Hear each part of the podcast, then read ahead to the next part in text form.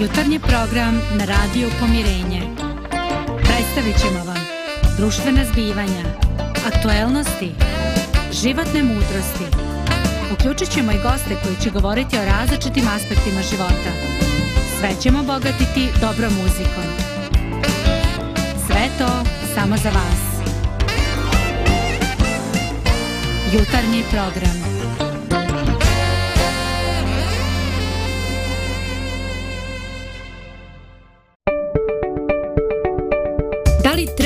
Sreću? Pokreni svoj život i sve vrijednosti društva na opačke. I tada ćeš pronaći sreću.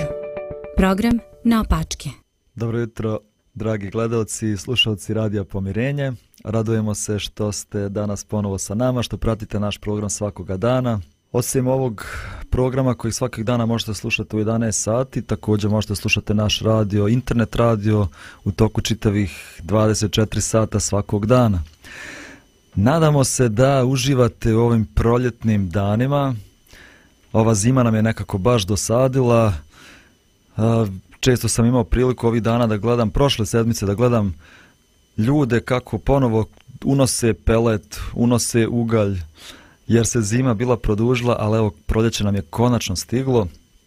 Tako da pozdravljam i moje drugare u studiju, Draganu i Lidiju koji su sa mnom ovdje, a također i Zdravka koji nas prati putem video linka. Pozdravi za tebe, Božo. Evo tu smo spremni. Kakva su vaša osjećanja povodom ovog buđenja prirode proljeća koje nam je stiglo? Pa ja sam nekako jedva čekala da dođe proleće, a kad se proleće nekako konačno pojavilo, onda se ponovo vratila zima, pa sam onako, ja inače volim svakogodišnje doba, ali uh, onako kad treba da dođe proleće, a nema ga, onda se baš onako razočaram. Tako da sad ja dočekam sunce. Evo danas je sunčano, baš uživa. ja sam još prije mjesec dana, baš kad je ono u martu bilo toplo, sve sam spakovao svoje zimske jakne, cipele, pošto nemamo dovoljno mjesta u ormarima, da. ovaj, to sam ovaj, sklonio, Međutim, morao sam ponovo da vadim Vratiš zimsku ja. Mi nismo, mi smo sve ostavili pa onako u hodniku imamo brdo nakačenih jakni svih, svih vrsta. da, u zavisnosti od vremena. Da, tako je kod mene, znači ono... Da. No, za svaki slučaj, znači ono, tri dana, znaš, sunce, pa onda, znaš, malo ro, ova rosa što se zalidi, pa onda sve tako, znači, minus dva, pa plus dvadeset, tako, mijenja se. Da, da, da, da. Zdravko, kaži mi, je li stiglo proljeće u Srbac? Ma u srcu sve buja životom, sve se podmladilo. Evo ja se počinjem podmlađivati vjeru i ovaj, procvetala mi trešnja u dvorištu. Vidite da sam malo ovaj u domaćoj atmosferi, evo, čak imam i crvene slušalce, onako da sve bude u skladu, da bude vedrine. Aha, hvala ti, hvala ti. Ja te ne vidim, Ali te Lidija vidi. Ja te vidim. I gledaoci, naravno, svi, svi te mogu vidjeti, osim možda vas dvoje, ali ga čujete. čujemo ga, ali ne čujemo ga baš onako najbolje. Ako imaš neki mikrofon, uključi mikrofon. A, dobro. A, pa evo sad da krenemo na neke malo ozbiljnije teme. Danas imamo jednu zanimljivu temu koja nije popularna, a govorit ćemo o poklonu kojeg niko ne voli a to je konfrontacija. A možda da krenemo od jednog zanimljivog primjera ili jedne ilustracije. Uh, postoji jedan paradoks o nama ljudima. Mi želimo da znamo istinu o nama, ali u isto vrijeme i ne želimo da znamo. Evo, uzmite za primjer vage. Kupujemo vage da nam kažu istinu o našem tijelu. Ali kad nam se ne sviđa ta istina koju nam oni govore, onda gledamo da se otarasimo te vage. Ne znam kakva, kakav je vaš odnos prema vagi. Pitam baš Lidiju i Draganu, pošto znam da žene imaju poseban odnos sa tim uređajem. Kod nas u kući to je jedno od najvažnijih uređaja. ja skoro nikad ne stanem na vagu, ali moja supruga ima poseban odnos sa tom vagom. Ne znam kako vas dve, da li imate vi neki poseban odnos sa vagom? Ja mogu izbrojati na prste jedne ruke koliko sam puta stala na... Dobro, malo sad pretjerujem. ali ovaj... Znači, ne znam, ne znam to, to, to se svodi na par puta da sam stala na vagu u životu. A znaš kako, Dragana, lako je tebi da pričaš kad ti nikad nisi imala problem sa kilažom. Ja otkad znam za tebe, ti uvek imaš istu kilažu. Znači koliko god da jedeš, da ne jedeš, to si ti. I verovatno zato nemaš potrebu da staješ na vagu. U mom slučaju nije tako. U mom, ja imam faze ovaj, kada kada onako želim da, da izgubim na kilaži i onda um, to sam radila do skoro, znači svaki dan sam stajala na vagu, svaki dan. I to je bilo dnevno i ono svaki dan gledaš da li se nešto izgubilo, da li je nešto bolje. I to traje u tom periodu kad, kad ono postanem fit, kad se super osjećam, kad to sve prođe. E, I onda kažem sebi, trebalo bi sad redovno da stajem na vagu, da proveravam. Međutim, posle nekog vremena me onako strah uhvati i prestanem da koristim vagu do tog sledećeg tamo nekog. E sad sam odlučila drugačije. Znači sad sam eto, kao vratila se na tu neku kilažu, sad se osjećam stvarno super. Ali ja sam samo jednom stala na vagu sad u ovom periodu i osjećam se mnogo bolje, zato što neću da se stalno preveravam. Zašto bi? E pa to, to, to, tako i ja, znači, ja osjećam po garderobi, znači, da se ja širim i skupljam i sve to, znači, ali jednostavno neću da se zamaram time, hoću da vidim, hoću da uzimam nešto što je zdravo, što će me ovako na drugi način koristiti, ne samo znači da li ću se skupiti Aha. ili raširiti. okay. Dobro, danas mi nećemo pričati o, o kako, kako smanjiti kilograme, kako izgubiti na težini, ali smo uzeli ovaj primjer vage, jer je vaga nešto što nam baš pomaže da otkrijemo istinu o nama. Možemo mi da se mm. zavaravamo, da mislimo da ne znam kako izgledamo, ali kad staneš na vagu, ona će ti reći... Da, imam ovaj uh, imam skoro sam pročitao na Facebooku jednu interesantnu stvar. Pričaju dvije gospođe jedna kaže ovaj uh, je li ona vaga što se hvalila da se kupila kako funkcioniše kaže do skoro je lijepo funkcionisala ali ovaj ali kad u zadnje vrijeme kad stanem na nju gore umjesto brojeva piše mašala da da O, dobro, dobro. Inače, Božidare, ovo je Balkan, ti nemoj zaboraviti da ovdje muškarci kažu ako nema metar i nije to baš nešto. Dok na s druge strane, gospođe, supruge, mame, sestre, one to puno dramatičnije doživljavaju. Ali evo, ču slušam Lidiju i nešto bi to prepoznatljivo. Ljudi, nemojte ići na vagu češće od jednom sedmično, nema smisla, samo se samo se ovaj... Ma čak i od jednom mesečno, iskreno, pa jest, da. Pa dobro, eto, ja sam htio da vam izađem u susret. Korak naprijed. Možda ja, evo, malo da otkrijem neke stvari koje Lidija možda nije spomenula. Uh, žene obično imaju određeno vrijeme u danu kada staju na vagu. Tačno. To nije skoro nikad naveče, to je uvijek ujutro kad ustanu. Yes. Obično im treba potpuna privatnost, dozvoljavaju niko da bude tu oko njih kad staju na vagu. Uh, najčešće to rade bez trunka odjeće. Yes. Uh, Sve stoji. prije doručka i prije nego što su išle u WC. Posle. posle. Aha, da, da, da, da, da. posle, posle, posle, okej, da, okej. da, da, da, da, srešimo svega što je moguće. Posle toaleta, okej. Dobro, malo je ovo šala. Okej, u, u svakom slučaju, uh, zajednica je mjesto gdje stajemo na vagu.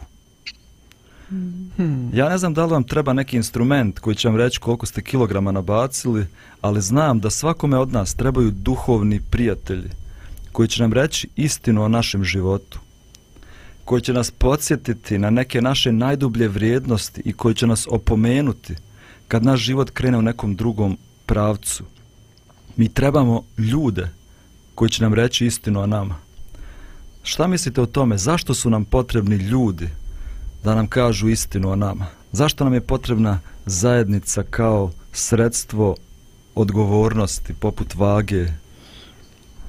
Zato što ćemo mi izobličiti tu istinu o sebi.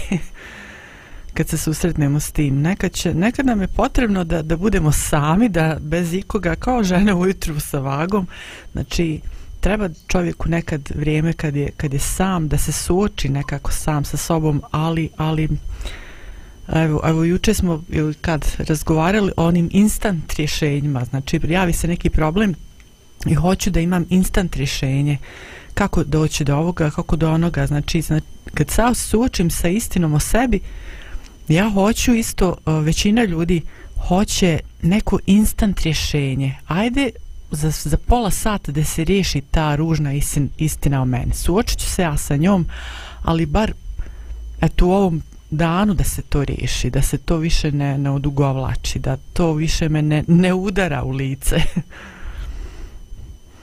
da. Ovo što Dragana priča bi je interesantno. Dakle, to je introspekcija za gledanje u sebe.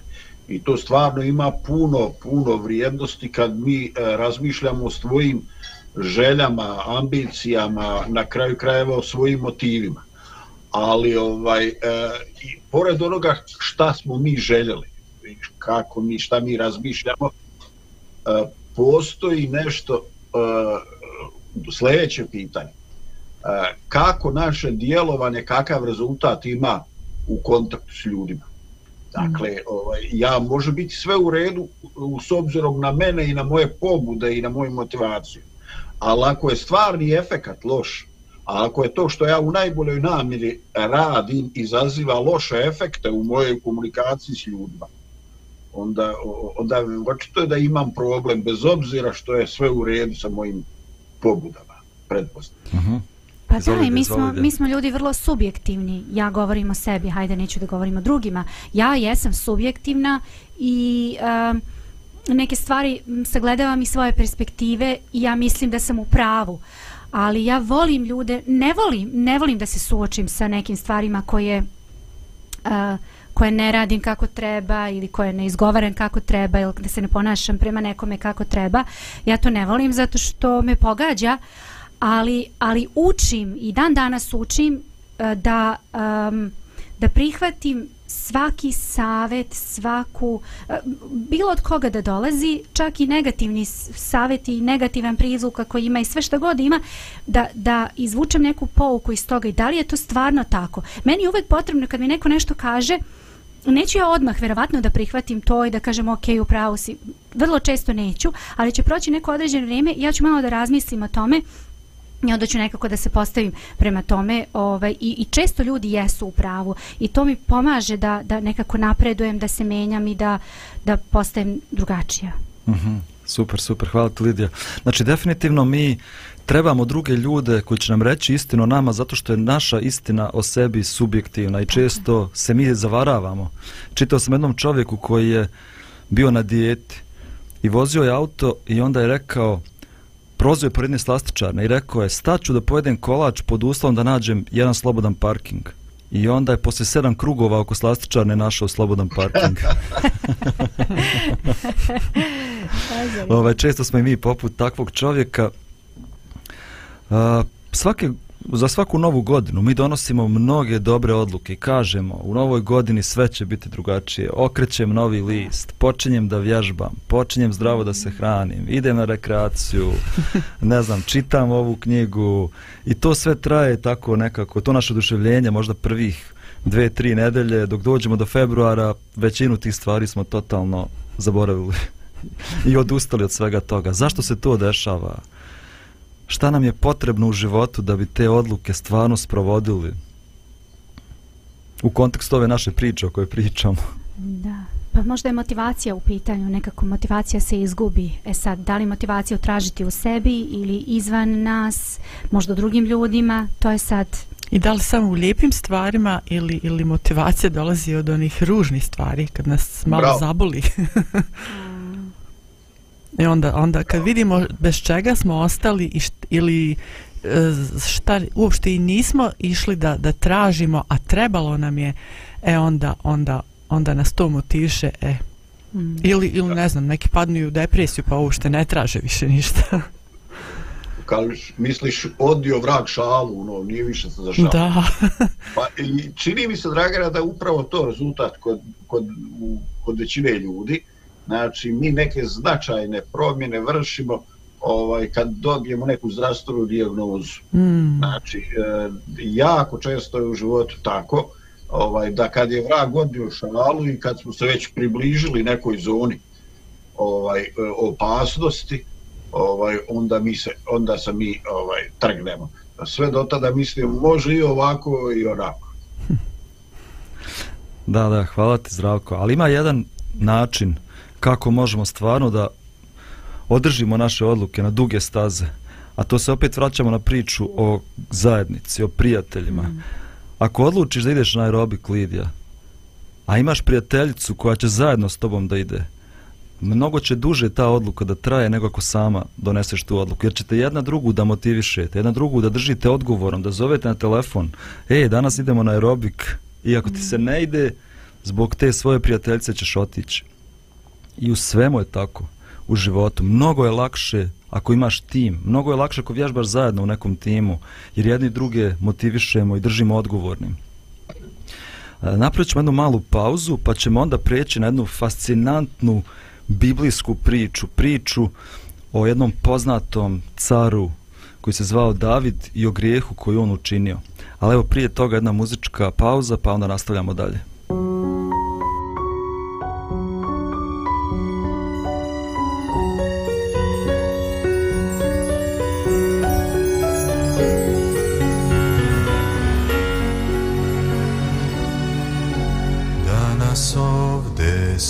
Živim ja i nosim dobru vest. Izdrži još malo jer Isus doći će. Tada će svi spaseni svog spasa videti. Će doći naš gospod svemoćni. Neka sad čuju svi, Isus skoro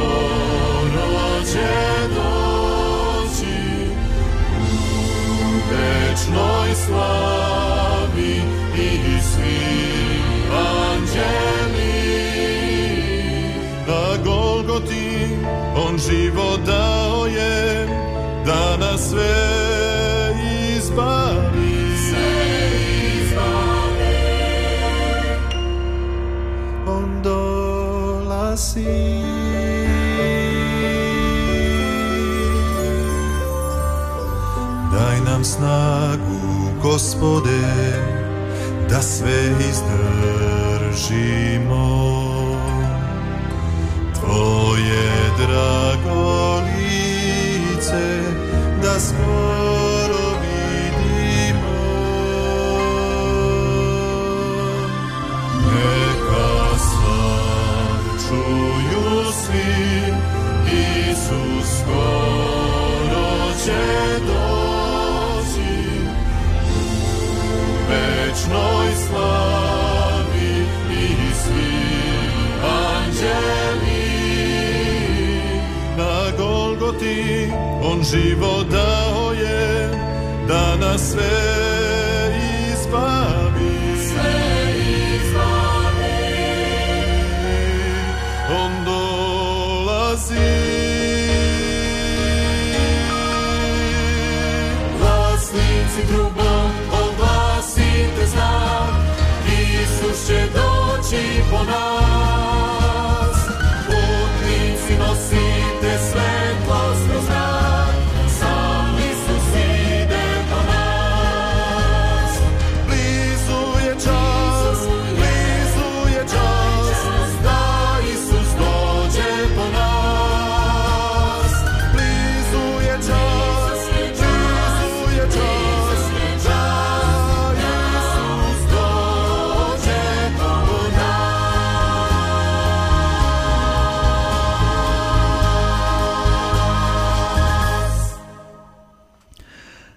Nazad u programu, razgovaramo o poklonu kojeg niko ne voli, o konfrontaciji. Jedan fascinantan događaj, bare za mene, zapisan je u starom zavjetu drugoj knjizi Samuilovoj o caru Davidu, a taj događaj glasi ovako. A kad prođe godina, u vrijeme kad care vidu na vojsku, posla David Joava i sluge svoje s njim, i svega Izraelja, te potirahu sinove Amonove i opkoliše Ravu, a David osta u Jerusalimu. I predveče usta David s postelje svoje i hodajući po krovu carskoga dvora, ugleda skrova ženu gdje se kupa, a žene biješe vrlo lijepa na oči. I David posla da propitaju za ženu i rekoše, nije li to Vicaveja kći Elijamova, žena Urije Hetejna? I David posla poslanike da je dovedu. I kad dođe k njemu, on leže s njom, a ona se biješe očistila od nečistote svoje. Poslije se vrati svojoj kući. I zatrudnje žena te posla javi Davidu govoreći, trudna sam. Tada David posla k Joavu i poruči, pošalji mi Uriju Hetejna. I posla Joav Uriju k Davidu. I kad Urija dođe k njemu, zapita ga David kako je Joav i kako je narod i kako ide rat. Potom reče David Uri, idi kući svojoj i operi noge svoje. I Urija izađe iz careva dvora, a za njim iznesoše jelo carsko. Ali Urija leže na vratima dvora careva sa svim slugama gospodara svojega i ne otide kući svojoj. I javiše Davidu govoreći, Urija nije otišao kući svojoj. A David reče Uri, nisi li došao s puta, zašto ne ideš kući svojoj? A Urija reče Davidu, Kovčeg, Izrael i Juda stoje po šatorima, i Joav gospodar moj i sluge gospodara mojega stoje u polju, pa kako bih ja ušao u kuću svoju da jedem i pijem i spavam sa ženom svojom? Tako ti bio živ i tako bila živa duša tvoja, neću to učiniti. Tada reče David Uri, ostani ovdje još danas pa ću te sutra otpustiti. Tako osta Uri u Jerusalimu onaj dan i sutradan. I pozva ga David da jede i pije s njim, te ga opije. A uveče otide te leže na postelju svoju sa slugama gospodara svojega, a kući svojoj ne otide. A ujutro napisa David knjigu Joavu i posla po Uri. A u knjizi pisa i reče, namjestite Uriju gdje je najžešći boj, pa se uzmaknite od njega da bi ga ubili, da pogine. I Joav opkolivši grad namjesti Uriju na mjesto gdje je znao da su najhrabriji ljudi.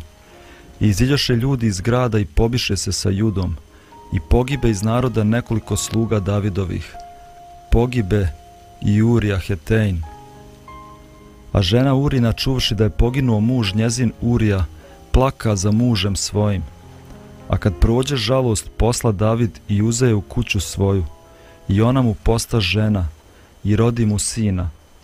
Ali ne biješe po volji gospodu, što učini David.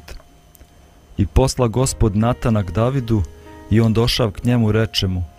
U jednom gradu bijahu dva čovjeka, jedan bogat, a drugi siromah. Bogat imaše ovaca i goveda vrlo mnogo, a siromah nemaše ništa, do jednu ovčicu, koju biješe kupio i hranjaše je, te odraste uzanj i uz djecu njegovu, i jeđaše od njegova zalogaja, iz njegove čaše pijaše i na krilu mu spavaše, i bijaše mu kao kći. A dođe putnik bogatom čovjeku, a njemu bi žao uzeti iz svojih ovaca ili goveda da zgotovi putniku koji dođe k njemu, nego uze ovcu onog siromaha i zgotovi je čovjeku koji dođe k njemu. Tada se David vrlo razgnjevi na onog čovjeka i reče Natanu, tako živ bio gospod, zaslužio je smrt onaj koji je to učinio i ovcu neka plati u četvoro što je to učinio i nije mu bilo žao. Tada reče Natan Davidu, ti si taj. Ne znam da li ste nekada čitali ovom događaju, ali za mene ovaj događaj zastrašujući a, preljuba, ubistvo koje se dogodilo od strane čovjeka koji je bio najbolji od svih, koji je bio Boži čovjek, koji je bio poznat po svom dobrom i pravednom životu, ali eto i njemu se moglo dogoditi ovako nešto. David nije planirao da postane preljubočinac i ubica, kao što i mi ne planiramo da učinimo preljubu i da rasturimo svoj brak, da postanemo alkoholičari ili ko zna šta drugo, ali takve stvari se stalno dešavaju. Pa šta mislite, čitajući ovaj događaj, kako nam on može pomoći da naučimo kako se ove stvari dešavaju, iako ih mi ne planiramo i ne želimo da se dogode? Ulazimo onako da u malo ozbiljniju diskusiju. Um, Da, niko ne želi, niko ne želi da, da uradi nešto, nešto tako, ali se nekako dogodi. Zašto? Um, Pa mislim da prvo moramo ozbiljnije da shvatimo naše um, obaveze i da ozbiljnije shvatimo naš odnos prema ljudima koji žive oko nas i koliko mi možemo svojim postupcima da, da povredimo one koji su oko nas. Možda je to jedan od odgovora. Ok. Pa evo, baš ovaj, si spomenuo malo prije. Znači, kad se suočimo sa ljudima, kad smo u dodiru sa ljudima iz nas, izlazi to što je u nama. Ne može izaći nešto drugo. Mislim, možemo se pretvarati jedno vrijeme, ali to je samo kratko. Ali mi sami postajemo um, to, to, to bude neudobno nama samima ako se pretvaramo, znači, a kamo, kamo drugima. Znači, iz nas može izaći samo ono što već postoji u nama, tako i u Davidu je mm ono što se pojavilo u njemu je nešto što je on možda gurao i gurao godinama, decenijama ovaj, negdje u, u dio svog uma i on jeste bio dobar čovjek ja, ja i njega i sad gledam kao, kao dobrog čovjeka koji je davao sve od sebe, maksimum od sebe, ali šta je on to sve imao u sebi? znači ima i dobre i loše stvari, znači, ali to uvijek kažem, kad god govorim o njemu, uvijek me zadivljuje to kad on padne, bez obzira koliko duboko ode na dno, ali on se diže, on se predaje Bogu, on se, on se uh, kaje zbog toga i žao mu je zbog toga. Da, da, ovdje ćemo danas više govoriti o njegovom padu, nego o tom dizanju, koje nije bilo jednostavno i nije bilo Mm. lako. Uh, ja inače vodim grupu podrške za ljude koji se bore sa zavisnošću i većina njih sa seksualnom zavisnošću i pornografijom. I mo, možda malo više znam o tome kako to sve nastane. To ne nastane ne tako što godinama nešto uh, nosiš u sebi i dopuštaš sebi. To nastane jednim jedinim pogledom. Mhm. Bukvalno, jednim pogledom koji zaokupi tvoje misli, izazove neku znatiželju, klikneš na to dugme i to te odvede tamo gdje nikada ne možeš ni da zamisliš da ćeš da padneš. Toliko daleko da ćeš da postaneš rob svemu tome, ali to niko ne zna u tom prvom momentu. I ovdje vidimo i Davida koji je samo ugledao prizor koji mu se svidio. Žena je bila lijepa, kupala se, bila je gola, privlačna. I umjesto da se okrene i da ode i da kaže nije to za tebe da gledaš, nije to tvoja žena, on je dozvolio sebi da malo duže to gleda. I što je duže gledao, u njemu se pojavljivala želja. Mozak je prestao da radi. I onda sve ostalo je postala istorija, znamo šta se dogodilo, dokle, kako je nisko David pao. Ono što danas želim da istaknem jeste da je David bio sam. Nama je uvijek lako da padnemo u iskušenju kada smo sami. Ne znam, kad čitamo tamo Eva kako je pala u iskušenju, nije tu bilo Adama, nije ona s njim razgovarala o tom iskušenju. Kad god smo sami, mi smo ekstremno podložni da padnemo u iskušenju. Ne znam da li Zdravko želi nešto da doda. Da, ovaj, ne daš mi da mudro prečutim. ovaj, pa ne znam, ja kad čitam taj izvještaj, meni puno stvari nije jasno. Ovaj, za lijepom osobom, bila ona muško i žensko, će se okrenuti i muško i žensko. Ja stvarno ne znam onu arhitekturu Davidovog grada, osim onih slika iz Jerusalima koji sam imao priliku gledati. Ali ovaj nekako ja ovaj se solidarišem sa sa muškim bićem i kažem šta joj je trebalo da iziđe da skupa na terasi, jer ona normalna, mislim, ono, i to tu negde ispod, ispod ovaj carski zidina, jel tako? Mislim, ono, men tu puno stvari nije jasno. Ovaj, e sada, čini mi se ovaj, da se tu ništa ne dešava što se ne bi desilo većini ljudi. Problem iskušenja Davidovo je što on ima ekstremne moći i ekstremne ovlaštenje Tačno. i što je bilo dovoljno da kaže i hinte dovente i ona eto ona dođe nema nikvih izvještaja ovaj e, kako tu djeluje autoritet šta se tu dešava dobrovoljno šta nije do kraja dobrovoljno očito je da su tu svi podijeljeni ona se ne buni ništa, ali plače kad je muž pogine. I ja vjerujem da je jedno i drugo iskreno. I upravo to je taj fenomen ljudske pod, podijeljenosti, što u nama čuči potencijal i za jedno i za drugo. Ovaj, tako da kažem, pun sam, pun sam razumijevanja, ali ovaj, e, kao što se e, kao što se komarci i muve hvataju u pavuku u mrežu, tako se i čovjek hvata kad ovaj nekim nespretnim spletom okolnosti ovaj, uleti u, u, u nešto što je nepredvidivo i kao što ste Boždara rekao, i sve ostalo se odigrava kao po nekoj automatici. Jer ako nas zaista od gluposti dijeli jedan tren, jedan klik, jedan pogled, onda nek nam je Bog na pomoć. Mislim, ne znam kako su ti svega toga izvući. Dobro, govorit ćemo malo o tome kako se iz svega toga izvući, ali to je bukvalno tako.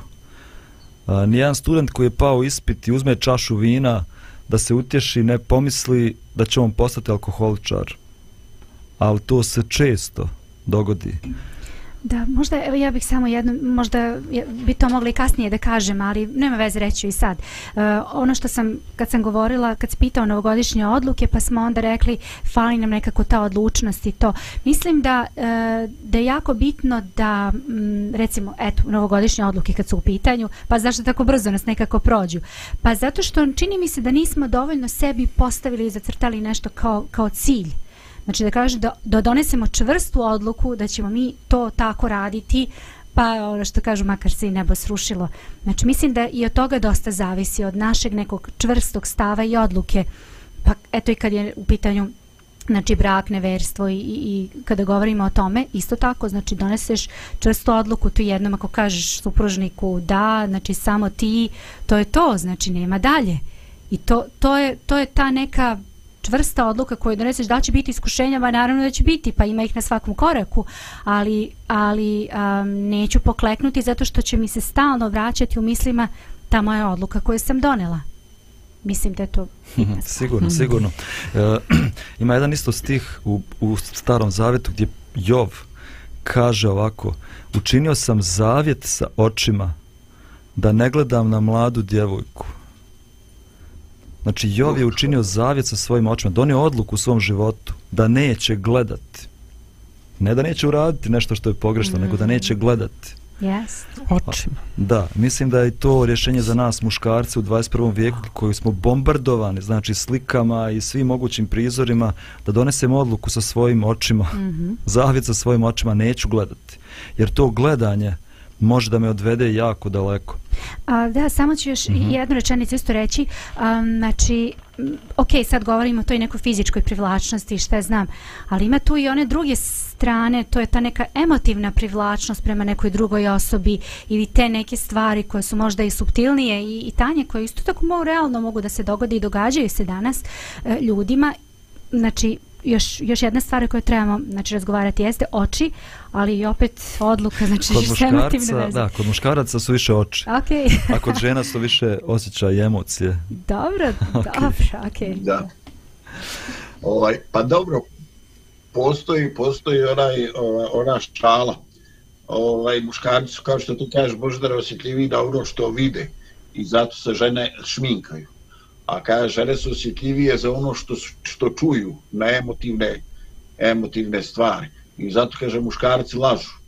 Dakle, uljepšavanje s jedne i s druge strane. Ja slušam Lidiju i pokušavam da razumijem ovaj, šta nam hoćeš reći. Ovaj, ali nekako mi je to teoretski.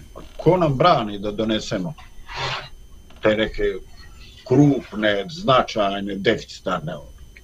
Ovaj, e, da je baš tako, pa ljudi ne bi donosili, kao što možda spomenu, svake nove godine iznova donosi ovaj, istorijsku odluku i, i svake godine iznova nakon mjesec dana od istorijske odluke ne bude ništa. Dakle, nešto, nešto je tu nešto je tu komplikovanije od, od onoga da mi želimo. Jer Pavle će reći na jedno mjesto dobro što hoću ne činim nego ono što neću ono što činim. Dakle, ponovno se vraćam do ono svoj raniji izjav čovjek u svojoj podijeljenosti. Mm -hmm, hvala ti, hvala ti Zdravko. Dobro, ja sad samo da usmjelim u smjeru ove naše teme za danas, inače ovo bi smo mogli da pričamo više dana, jer ovo tako jedan jedan događaj koji je tako realan, mislim, nešto što možda se dogodi svakom čovjeku. A možda evo malo još samo da ga, da ga uh, pokušamo još malo detaljnije obraditi, pa ćemo onda pokušati neke zaključke da izvedemo. Prvo, vidimo ovdje David gleda. Gledanje proizvodi kod njega želju. Šalje po ženu, pošto je car, ti si zdravko rekao, on ima moć, možda ima šta god želi, on šalje po ženu. Prvo se raspitao za nju i kažu mu, care, ovo je žena Urije Hetejna. Drugim riječima, sluga mu je rekao, care, ovo je udata žena. Mm. Pazi šta radiš. Ali kod njega više kočnica nikakvih nema, kod njega mozak više ne radi uopšte. On dovodi ženu, spava sa ženom, prolazi nekoliko dana ili sedmica, dolazi vijest. Žena je trudna. Obično se to tako dešava. Mi, e, radoznalost nas navede da uradimo nešto i kažemo pa dobro, ok, ajde, pao sam, pogriješio sam, idem dalje, ali grijeh nije takav, on uvijek donese neke neželjene posljedice, to se uvijek zakomplikuje. Žena je trudna. David misli da kontroliše... A, a muž na ratištu, A muž na ratištu, jeste. I David misli on kontroliše sve, on je car, on može da uradi šta god hoće, on će da riješi ovaj svoj problem. Nema toga šta on ne može da riješi zove muža sa ratišta da dođe u svojoj kući, prima ga, pita ga kako je tamo na ratištu, kako je general, Joav, kako je sve, daj mu da jede i onda kaže, aj sad idi kući svojoj, zaslužio se, se odmoriš. Ali opet stvari ne idu kako je David planirao. Sve ide kontra onoga što je on planirao. Urija ne želi da ide svojoj kući. Solidariše se sa svojim kolegama, vojnicima i spava tamo na dvoru cara, ne ide kući svojoj. Pa David opet mijenja plan. Sljedeći dan ga napije. Misli, ajde ovaj kad se napije, valjda će tada mozak da mu ne radi, pa će da ode svojoj kući da spava sa ženom i da zataškamo to sve što se dogodilo. Ali ovaj opet ne ide kući svojoj. I konačno David opet mijenja svoj plan. I sada šalje po uri poslanicu, pismo u kome traži od njegovog generala da ga postavi na mjesto gdje je najžešći boj da pogine. Hmm. I konačno tako se i dogodilo, David dobija vijest, poginuo je Urija, Urija Hetein. I David misli, riješio sam problem. Niko ne zna. David se plašio da neko sazna. A u stvari za njega je najgora stvar bilo da niko, mm. da niko ne sazna. Ajde malo ćemo napraviti pauzu, pa ćemo onda nastaviti ovu zanimljivu priču, i ovaj zanimljiv događaj u vezi sa carom Davidom.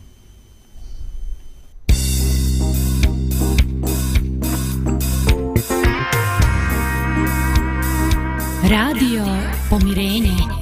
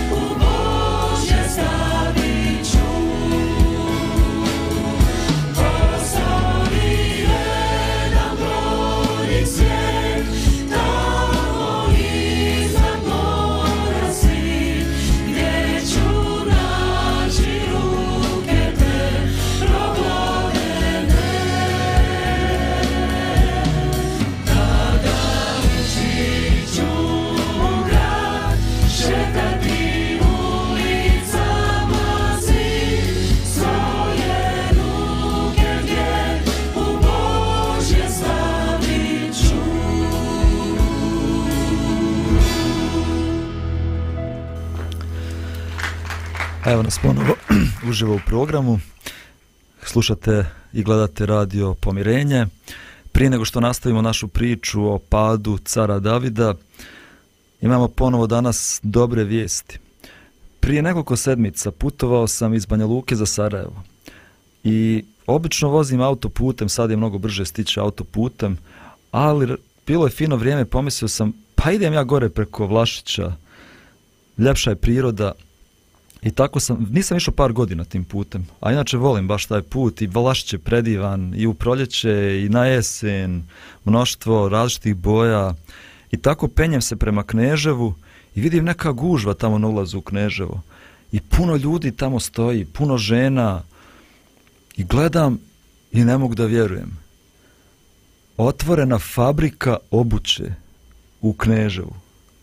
A tu sam prolazio godinama i to je opština koja je totalno posle rata pa onako propala. Sve što je postojalo tamo, industrija, bilo kakva, sve je to ugašeno. Malo ljudi tamo ima. I odjednom ja gledam nešto se tamo dogodilo.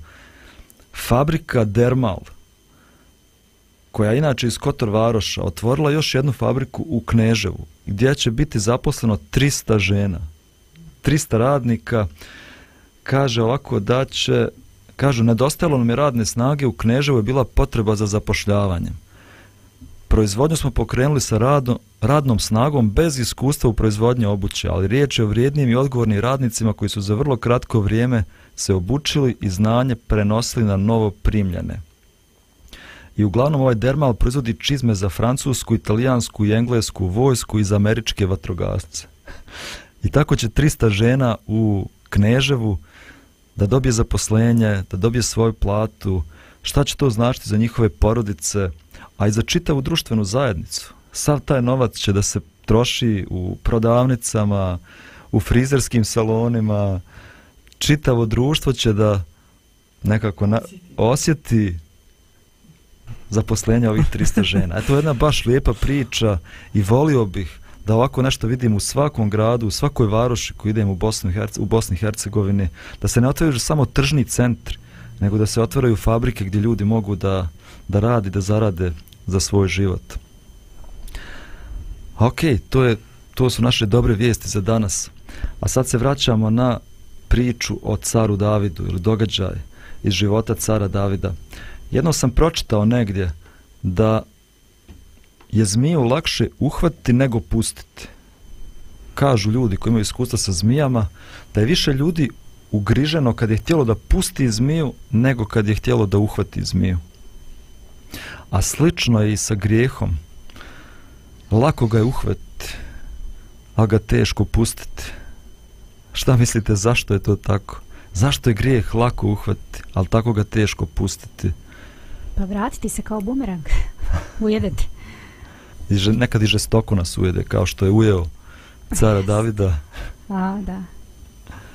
Ti želiš da se odvikneš od nečeg, nije to samo znači do navike, nego stvarno želiš da se odvikneš i čak tu i uspiješ, ali posle nekog vremena neka posljedica toga te samo iznenadi, onako da, da lijepo kažem, ili bolje rečeno šokirate.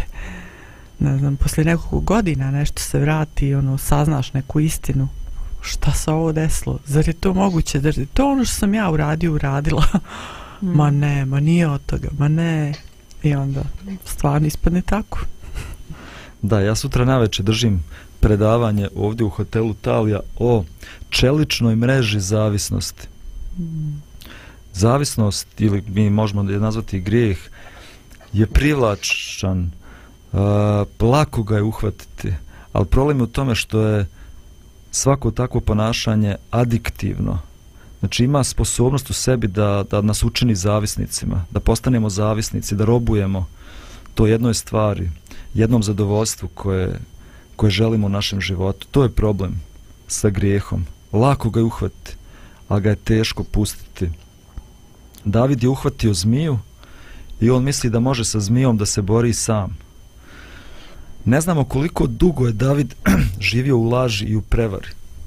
S jedne strane bio car, vodio narod, vodio narod u službi Bogu, a s druge strane živio sa skrivenom krivicom preljube i ubijstva.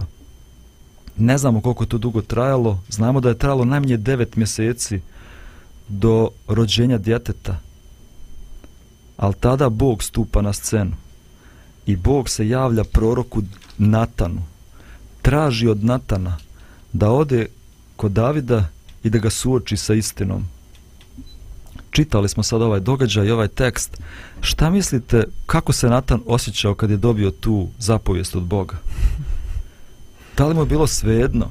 Aj sad ti reci caru da on greši. Uh. teško, jako teško. Nije to da će te otjerati u zatvor, nego jednostavno može se car samo reći, ma samo mu sjeci glavu. Mm. Nema više, ono, više ni ne živi. Već do sada je car sjekao glavu onima koji su znali. Apsolutno, Apsolutno. Ja mislim da on danima planirao, razmišljao i na kraju molio se Bogu da mu Bog dao svjedočenje kako da postupi jer nije lako. Stvarno nije lako. Dobro. Natan će caru reći istinu.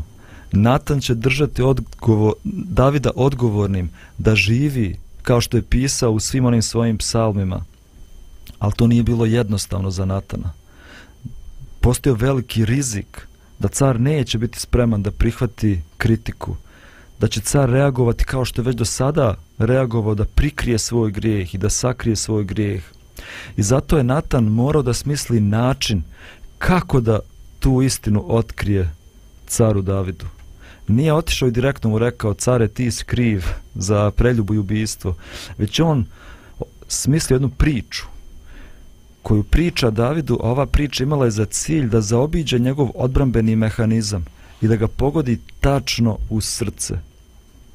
I čitali smo ovoj priči, on govori o jednom bogatom čovjeku koji imao puno ovaca i o siromašnom koji imao ništa osim jednu ovčicu. I bogati čovjek kad su mu došli gosti ne uzima se od svoje stoke, nego ide kod siromašnog čovjeka, uzme tu njegovu ovcu, zakolje i napravi večeru za svoje goste. I kako je car David reagovao? Oh, razljutio se. Izvještaj kaže baš da, da, da se razljutio.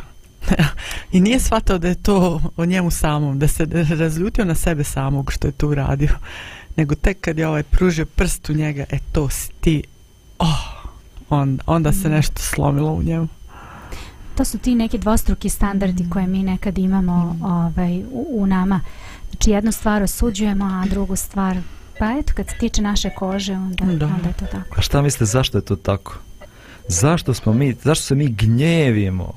Na nepravdu. Ljutimo se kad vidimo grijehe drugih ljudi, Mm. a tako neosjetljivi za naše vlastite. Pa zato što smo subjektivni. Zato što um, nismo, nismo dovoljno samokritični, rekla bih, prema sebi.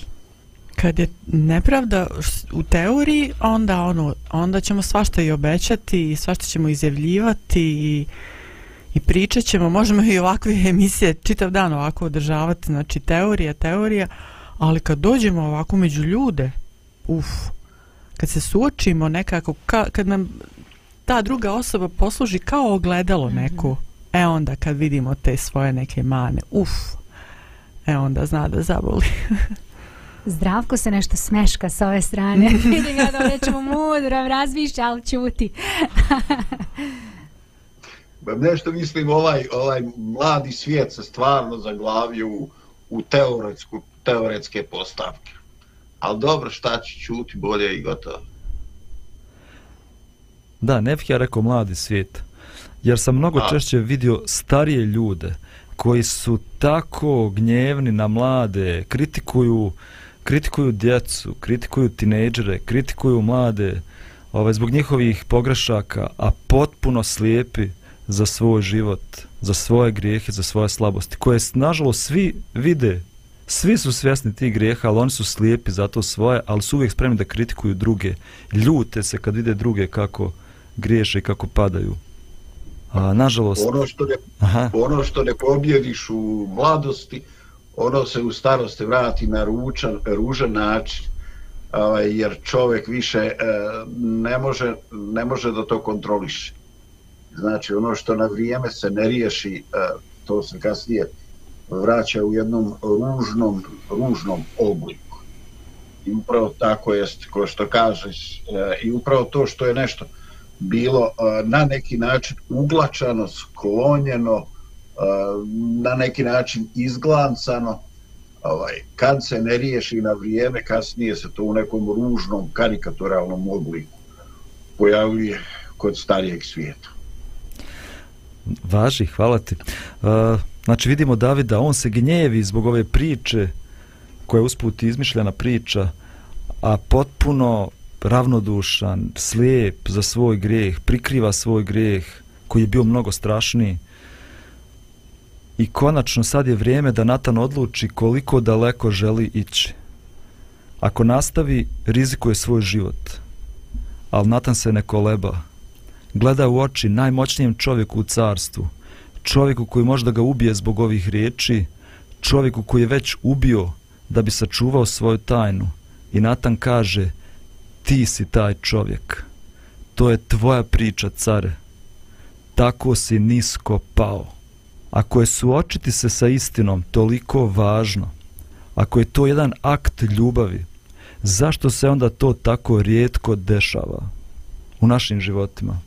Pa teško je nekome reći istinu u lice, Vidjeli smo da nije ni Natanu, a eto Bog mu je dao mudrost kako da priđe caru i da kaže, ali um, niko ne voli narušene odnose. Svi volimo da smo u finim i dobrim odnosima i to je dobro i pozitivno, ali mislim da nema napretka ako ne razotkrivamo ono što vidimo da nije dobro kod druge osobe i nema produbljivanja odnosa ako to ne postoji. U svakom odnosu, bilo kom poslovnom, uh, porodičnom, uh, bilo kom odnosu. Znači, um, ne možemo uvek mudro ćutati da nam je uvek sve super i da smo svi sjajni, da sve funkcioniše, pa ne funkcioniše često ne funkcioniše, ali moramo biti spremni prvo da mi kažemo, da znamo kome kažemo, kako kažemo, kada, na koji način, već smo to i pričali, ja mislim baš i u jednoj emisiji, a s druge strane da budemo spremni da primimo, da primimo šta god već bilo koju kritiku ili savjet. Mm -hmm, Isto tako, ovaj, um, kad, kad je u pitanju, ha, evo, evo, recimo Natan, na primjer, uh, ili, ili mi u, u vezi s, sa tim, znači, uh, bilo ko od nas se može ovdje staviti u Natanov položaj i kad trebamo reći neku istinu, onda mislimo, on će sigurno tako reagovati, zato što je već hiljadu, milion, mm. milijardu ljudi reagovalo tako i tako i tako, ne samo on što je prikrivao, David što je prikrivao svoje grijehe na, na razne načine, nego ljudi tako reaguju, sigurno će i ta osoba isto tako reagovati, znači i onda, i onda to, se, to se kao kalcificira u našem umu, znači postaje sve tvrđe, kao kamen, ta misao, krene od jedne pretpostavke, I onda čitav život nosimo neku pogrešnu pretpostavku. Tako je, tako je. Ja, definitivno. Scott Peck piše da većinu vremena mi provodimo u takozvanom pseudo zajedništvu. Pseudo društvenim odnosima kao što su brakovi, porodice, prijateljstva koja ne idu da dublje od površine. U takvim odnosima ljudi nikad ne izražavaju svoje osjećanja, nikad ne razgovaraju o nesporazumima ili frustracijama. Osnovno pravilo u tim pseudodruštvenim odnosima je ne ljuljaj brod, ne uznemiravaj mir. Međutim, Scott Peck kaže to je lažni mir. Neslaganja se pojave, ali se nikad ne razriješe. Osjećanja žele da izađu napolje, ali nikad ne izađu napolje. I vremenom takvi odnosi propadaju. Nestaje ljubavi, a nastaje nepovjerenje i gorčina – brakovi mogu da traju godinama i da izgledaju prilično dobro izvana. Nema konflikta, nema puno bura, ali u stvarnosti muž i žena žive u pseudo zajedništvu. Pričaju o kući, o poslu, o djeci, ali nikad ispod površine. Ne govore istinu o svojim ranama, o svojoj usamljenosti, o svojoj ljutnji. Ne govore nikad o svojim seksualnim frustracijama. Razuč, razočarani su u svoj brak i u svog bračnog druga, ali niko nema hrabrosti da govori iskreno i otvoreno. I tako njihov odnos svakog dana umire pomalo. I Peck kaže da suprotnost ovim pseudodruštvenim odnosima je takozvani tunel haosa, gdje su rane otkopane, neslaganja otkrivena i teška pitanja postavljena. I bez obzira koliko ne volimo tunel, bez obzira koliko se loše osjećamo u tunelu, ne postoji drugi put do izgradnje pravih međuljskih odnosa. E, imamo par minuta do kraja emisije. Ako želite da prokomentarišete ili podijelite svog života pseudo zajedništvo ili tunel haosa, iako je teško ući u taj tunel haosa, ali ipak je to neizbježno do pravih odnosa, kao što Lidija prije nekoliko minuta i govorila. Um, ajde, osjećam da je šteta da ne spomenemo jedan aspekt svega ovoga. Ja mislim da bi se stvar daleko dramatičnije i tragičnije završila ovaj, da je Natan ovo govorio pred Davidom i njegovom možda i najužom svitom. Možda da nam ne pobigne iz, e, iz fokusa. Ovdje se radi o jednom jako ličnom prijateljskom odnosu. Ja duboko vjerujem da je on bio u četiri oka između cara i Natana. Dakle, ovdje se on obraćao, obraćao čovjek. Da je posle ovoga David išao da se konsultuje sa ženom, sa najbližim i najiskusnijim savjetnikom, s bilo kim, ne bi dobro završilo ni po Davida, ni po Natana. Znači, ovdje je bilo e, duo, susret proroka i cara ili možda trio. Nas dvojica i gospod iznad nas. I mislim da je to ključna činjenica, ovaj, ključna činjenica u ovome, u ovome. E, jednostavno, ljudi koji su bilo čemu u nekoj poziciji, e, poziciji ovaj, moći, ključna je stvar da se oni otvore i da pokušaju shvatiti šta je prijateljski pristup, ovaj, a šta je neki, šta znam, politički akt sa ciljem pridobijanja neke pozicije ovo i ono. Ovaj, bez obzira da li se s druge strane nalazi Natan ili neko ko je veći diplomat od Natana. Hvala ti, hvala ti zdravko. Evo vrijeme da privedemo kraju i ovu našu današnju emisiju. Možda pitanje svim našim slušalcima i gledaocima. Ko je Natan u tvom životu? Da li postoji neko ko ti govori istinu? Da li postoji osoba sa kojom se redovno sastaješ da radiš upravo to. Ako ne postoji, pozivam te da se moliš za takvu osobu. Biraj pažljivo, ali znaj da ti je Natan potreban, kao i meni, zato što se sa zmijom ne možemo boriti sami. Vidimo se ponovo sutra u 11 sati. Lijep pozdrav, doviđenja.